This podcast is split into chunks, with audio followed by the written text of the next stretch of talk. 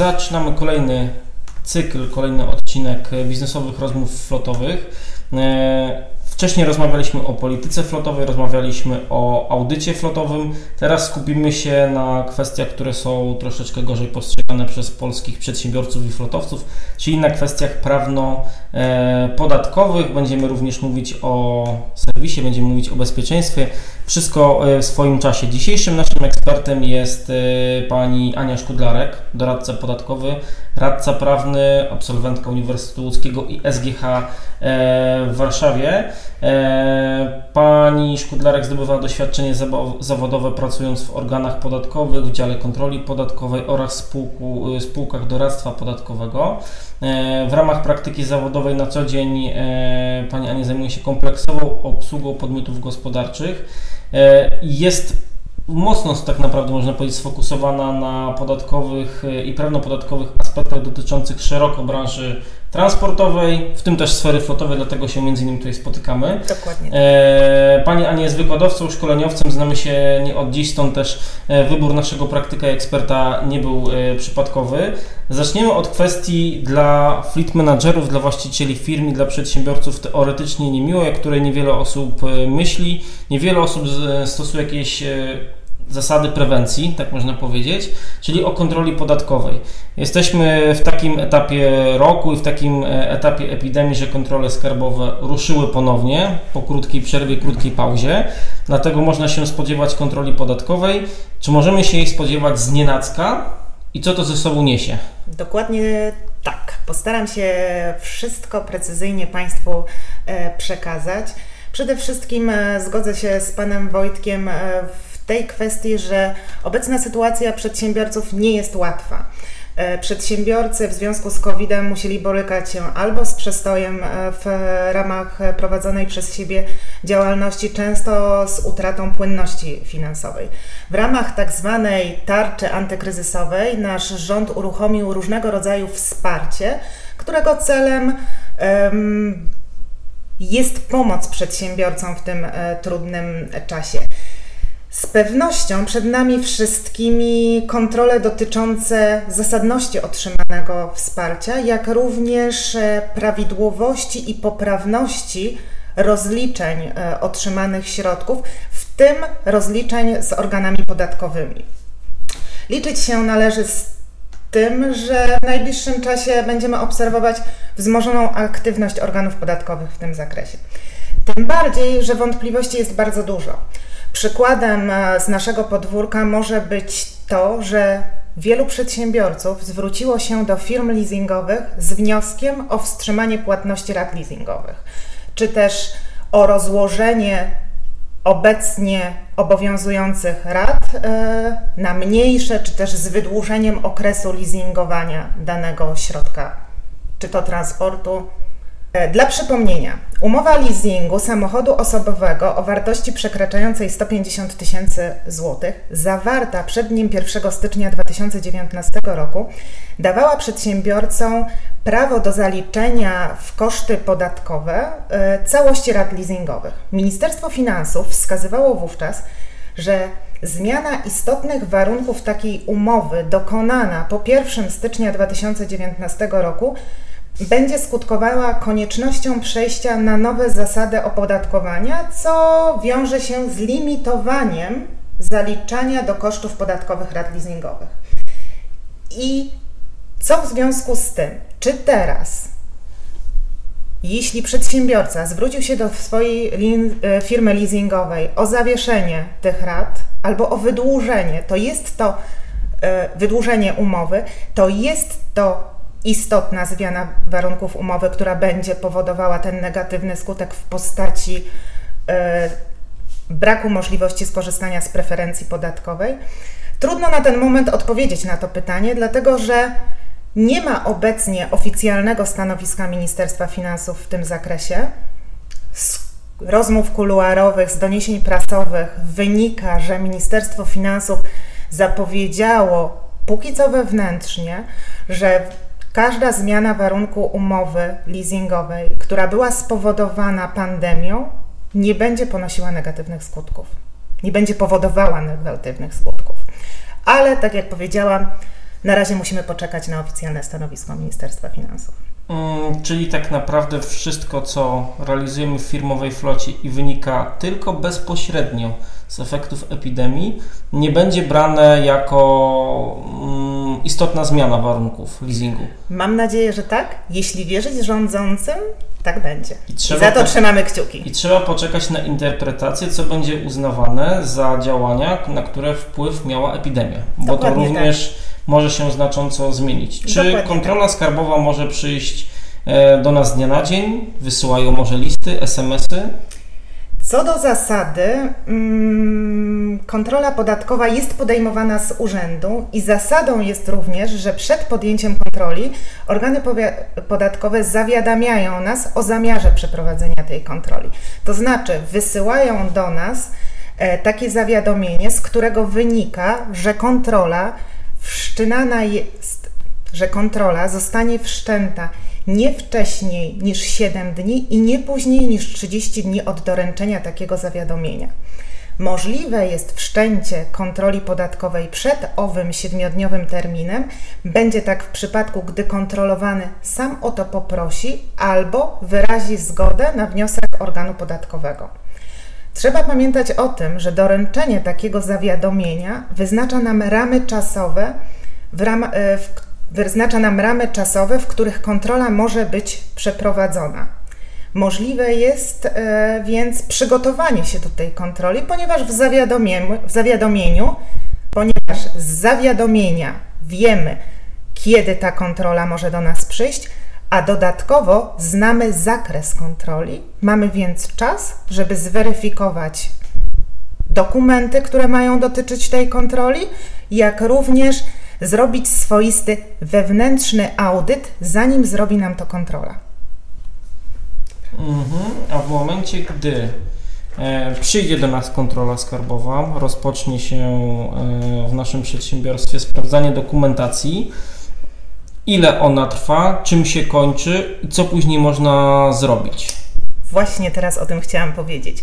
Przede wszystkim powinniśmy pamiętać, że z ustawy Prawo Przedsiębiorców wynikają nam maksymalne terminy prowadzenia kontroli.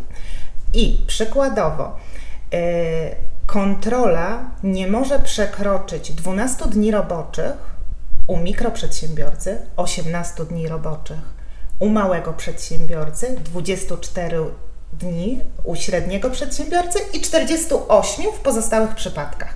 Warto o tym pamiętać, bo w sytuacji, gdy dostaniemy takie zawiadomienie o zamiarze przeprowadzenia kontroli, to pierwszą czynnością, którą powinniśmy zrobić, to sprawdzić, czy inne instytucje, na przykład ZUS albo Państwowa Inspekcja Pracy, nie dokonywały w naszym przedsiębiorstwie w roku podatkowym kontroli i być może już z ustawy Prawo Przedsiębiorców wynika, że limit ten został wyczerpany a w przypadku, gdy na przykład w danym roku wykorzystano 80% puli godzin kontrolnych mhm. i zbliża się nowy rok, czy kontrola może się rozpocząć tak, żeby część wykorzystać do końca roku, do 100% i rozpocząć kolejny rok? Nie spotkałam się z, takim, z, takiej, z taką sytuacją, natomiast nie wydaje mi się to niemożliwe bo mamy pewien, pewien limit, który, my, który możemy wykorzystać i to może przejść na następny rok. Pamiętać o przepisach e, związanych z limitem e, kontroli, ponieważ w pewnych zakresach bardzo nam to może pomóc. Natomiast trzeba pamiętać również o tym, że organy podatkowe, jak chcą się czegoś dowiedzieć, czy też chcą coś zweryfikować, nie zawsze będą od razu prowadziły kontrolę podatkową, która jest obarczona owym limitem, bowiem organ podatkowy może przeprowadzić u nas tak zwane czynności sprawdzające i to jest czynność, która daje prawo organowi podatkowemu do zweryfikowania pewnej kwestii, natomiast nie jest ujmowana w limicie kontroli, ponieważ ową kontrolą nie jest. Dodatkowo, odkąd mamy rozliczenia VAT-owskie na podstawie JPK-ów, organy podatkowe mają bardzo dużą dawkę informacji o tym, co się w naszym przedsiębiorstwie dzieje. Często wzywają podatników do złożenia wyjaśnień związanych właśnie z wysyłką plików JPK. To również nie są czynności, które są limitowane czasem e, kontroli, bowiem taką kontrolą nie są. Okej, okay. ale czy te czynności sprawdzające, sprawdzające mogą być zbieraniem materiału dowodowego do wszczęcia kontroli skarbowej? Tak. Okej, okay, to mamy jasność. W momencie, gdy znamy te limity, które przysługują organom podatkowym na to, żeby realizować mhm. te kontrole u mikro, małych, średnich i dużych przedsiębiorców, jeżeli już taka kontrola się odbędzie, co dalej? Ona się jeszcze nie odbędzie, bo na razie dostaliśmy zawiadomienie o zamiarze, czyli mamy informację, że organ podatkowy zamierza do nas przyjść najpóźniej 30 dnia od momentu, kiedy otrzymaliśmy to zawiadomienie. Może się okazać, że my się przygotowaliśmy do wizyty organu podatkowego, do wizyty urzędników, natomiast oni nie przyszli. I co wtedy? Przepisy mówią, że jeżeli organ podatkowy nie przyjdzie w tym terminie 30 dni, to jest on zobowiązany przed następną zamierzaną wizytą, czyli tą kontrolą podatkową, powtórnie nas zawiadomić o tym zamiarze. Czy to tak jest... się może odbywać 2, 3, 4, 5 razy aż do skutku? Teoretycznie tak, natomiast w praktyce to się nie zdarza. Zdarzyło się... mi się raz, że organ się nie zmieścił w tym terminie 30-dniowym i wysłał powtórne zawiadomienie. Okej. Okay. Natomiast, co jeszcze jest ważne, że jeśli otrzymamy takie zawiadomienie i dopatrzymy się błędów w dokonywanych przez nas rozliczeniach, to mamy prawo złożenia korekty deklaracji w tym zakresie. I taka korekta może spowodować, że w ogóle taka kontrola u nas się nie odbędzie. Ale musiałoby to być zrobione błyskawicznie. Tak, tak zanim y, kontrola została rozpoczęta. Istotne jest to, że nie zawsze zostaniemy to zawiadomienie. Takiego zawiadomienia nie otrzymamy w sytuacji, gdy na przykład kontrola będzie dotyczyła zasadności zwrotu VAT-u. Wykazaliśmy nadwyżkę podatku naliczonego nad należnym w deklaracji VAT-owskiej, chcemy otrzymać zwrot na rachunek bankowy, przychodzi do nas kontrola i nie musi nas o tym fakcie zawiadamiać. Wcześniej nie otrzymamy zawiadomienia o zamiarze przeprowadzenia kontroli, zwią kontroli związanej ze zwrotem VAT-u. Nie otrzymamy również zawiadomienia, jeżeli, jeżeli kontrola podatkowa ma być wszczęta na żądanie organu prowadzącego postępowanie o przestępstwo lub przestępstwo skarbowe której jesteśmy stroną albo. W której jesteśmy stroną, bo postępowanie karne skarbowe jest postępowaniem skierowanym przeciwko osobie. Więc tutaj z zasady organ podatkowy o takiej kontroli nas nie zawiadomi. No i też z oczywistych względów nie otrzymamy zawiadomienia, jeżeli kontrola będzie dotyczyła dochodów ze źródeł nieujawnionych. W każdej z tych sytuacji E, powinniśmy jednak po, zostać poinformowani o braku otrzymania tego zawiadomienia. Czyli jeśli przyjdzie do nas e, kontrola podatkowa, dostaniemy upoważnienie do przeprowadzenia kontroli, to powin, w tym upoważnieniu powinna być zawarta informacja, dlaczego to zawiadomienie do nas nie dotarło. Ze wskazaniem oczywiście określonej podstawy prawnej. Okej. Okay. Kto do nas przychodzi? Wiemy już w jakim czasie może przyjść, tak. ale kto do nas przychodzi? E, przede wszystkim trzeba pamiętać, że wszczęcie kontroli podatkowej następuje poprzez doręczenie imiennego upoważnienia do przeprowadzenia kontroli. Takie upoważnienie doręcza się kontrolowanemu, czyli przedsiębiorcy, albo jego pełnomocnikowi, jeśli został on w urzędzie wskazany jako taka osoba dedykowana do właśnie kontroli podatkowych. Zdarza się w wyjątkowych sytuacjach, to znaczy wtedy, kiedy czynności kontrolne są e, niezbędne dla przeciwdziałania popełnieniu przestępstwa albo zabezpieczenia dowodów jego popełnienia, kontrola podatkowa może być wszczęta poprzez okazanie legitymacji służbowej. W tej sytuacji jednak w ciągu trzech dni będziemy musieli otrzymać upoważnienie do jej przeprowadzenia. Czyli mamy taką szczególną sytuację, o której wcześniej powiedziałam, że istnieje ryzyko popełnienia przestępstwa albo zabezpieczenia dowodów świadczących o tym, że to przestępstwo zostało popełnione. Przychodzą do nas pracownicy Urzędu Skarbowego, wszczynają kontrolę poprzez okazanie legitymacji i zaczynają prowadzić czynności kontrolne. Zaczynają zbierać dowody, gromadzić informacje.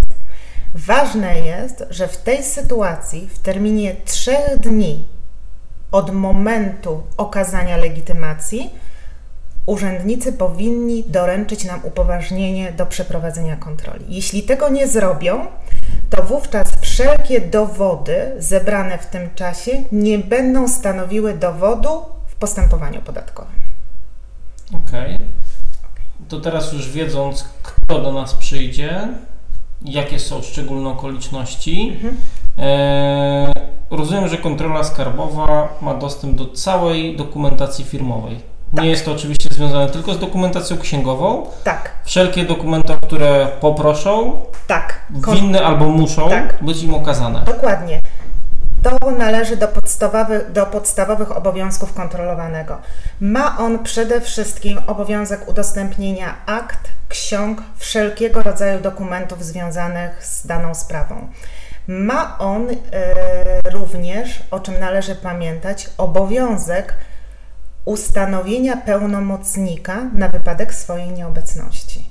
Organy podatkowe wymagają od kontrolowanego upoważnienia danej osoby, która będzie udzielała im wyjaśnień w sytuacji, gdy kontrolowany nie będzie dostępny.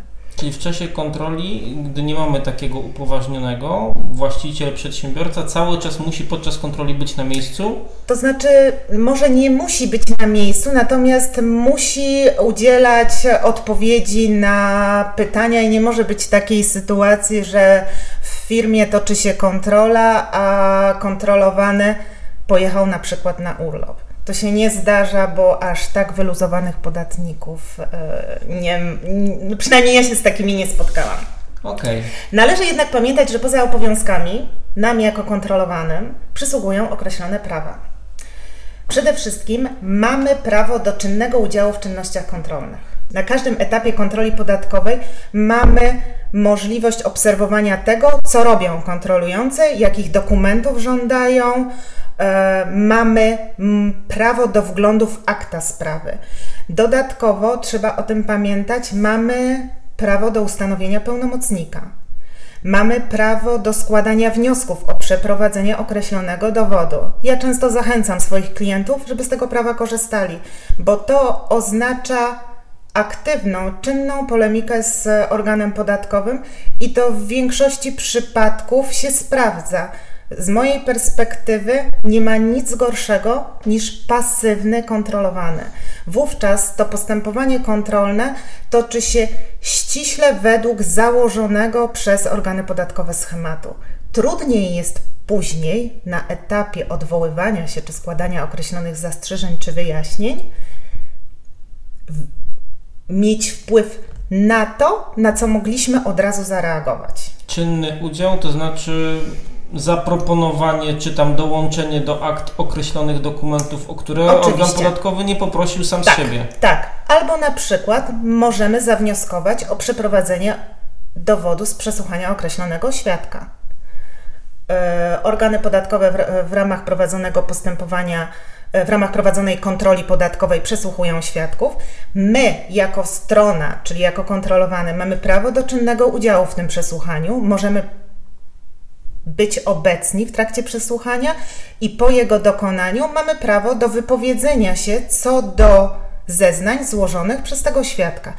Ale również mamy możliwość złożenia wniosku o przeprowadzenie dowodu z przesłuchania innego świadka, którego akurat organ podatkowy nie powołał.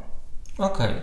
E, w momencie, gdy wiemy, kto może przyjść, w jakich okolicznościach i co jest sprawdzane, jak jesteśmy informowani o wyniku tej kontroli?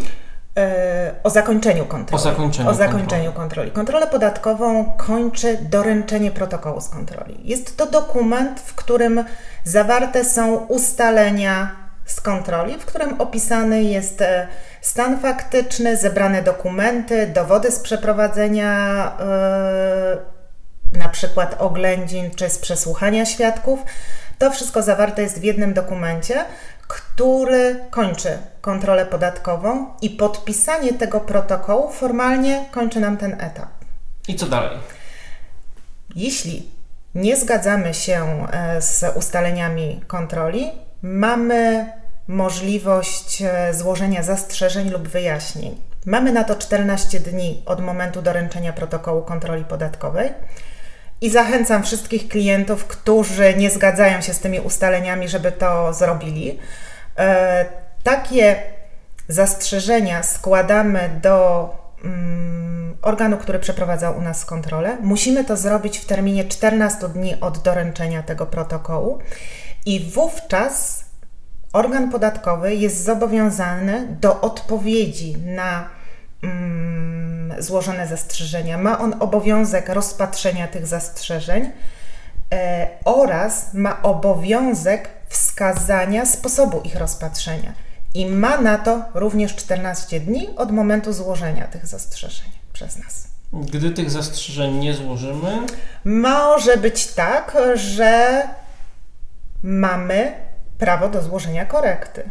Bo na przykład w części zgadzamy się z tym, co zrobił, e, co ustalił organ, bo na przykład pomyliliśmy się w pewnych rozliczeniach i ten nasz błąd jest po prostu zwykłym ludzkim błędem, z którym nie polemizujemy.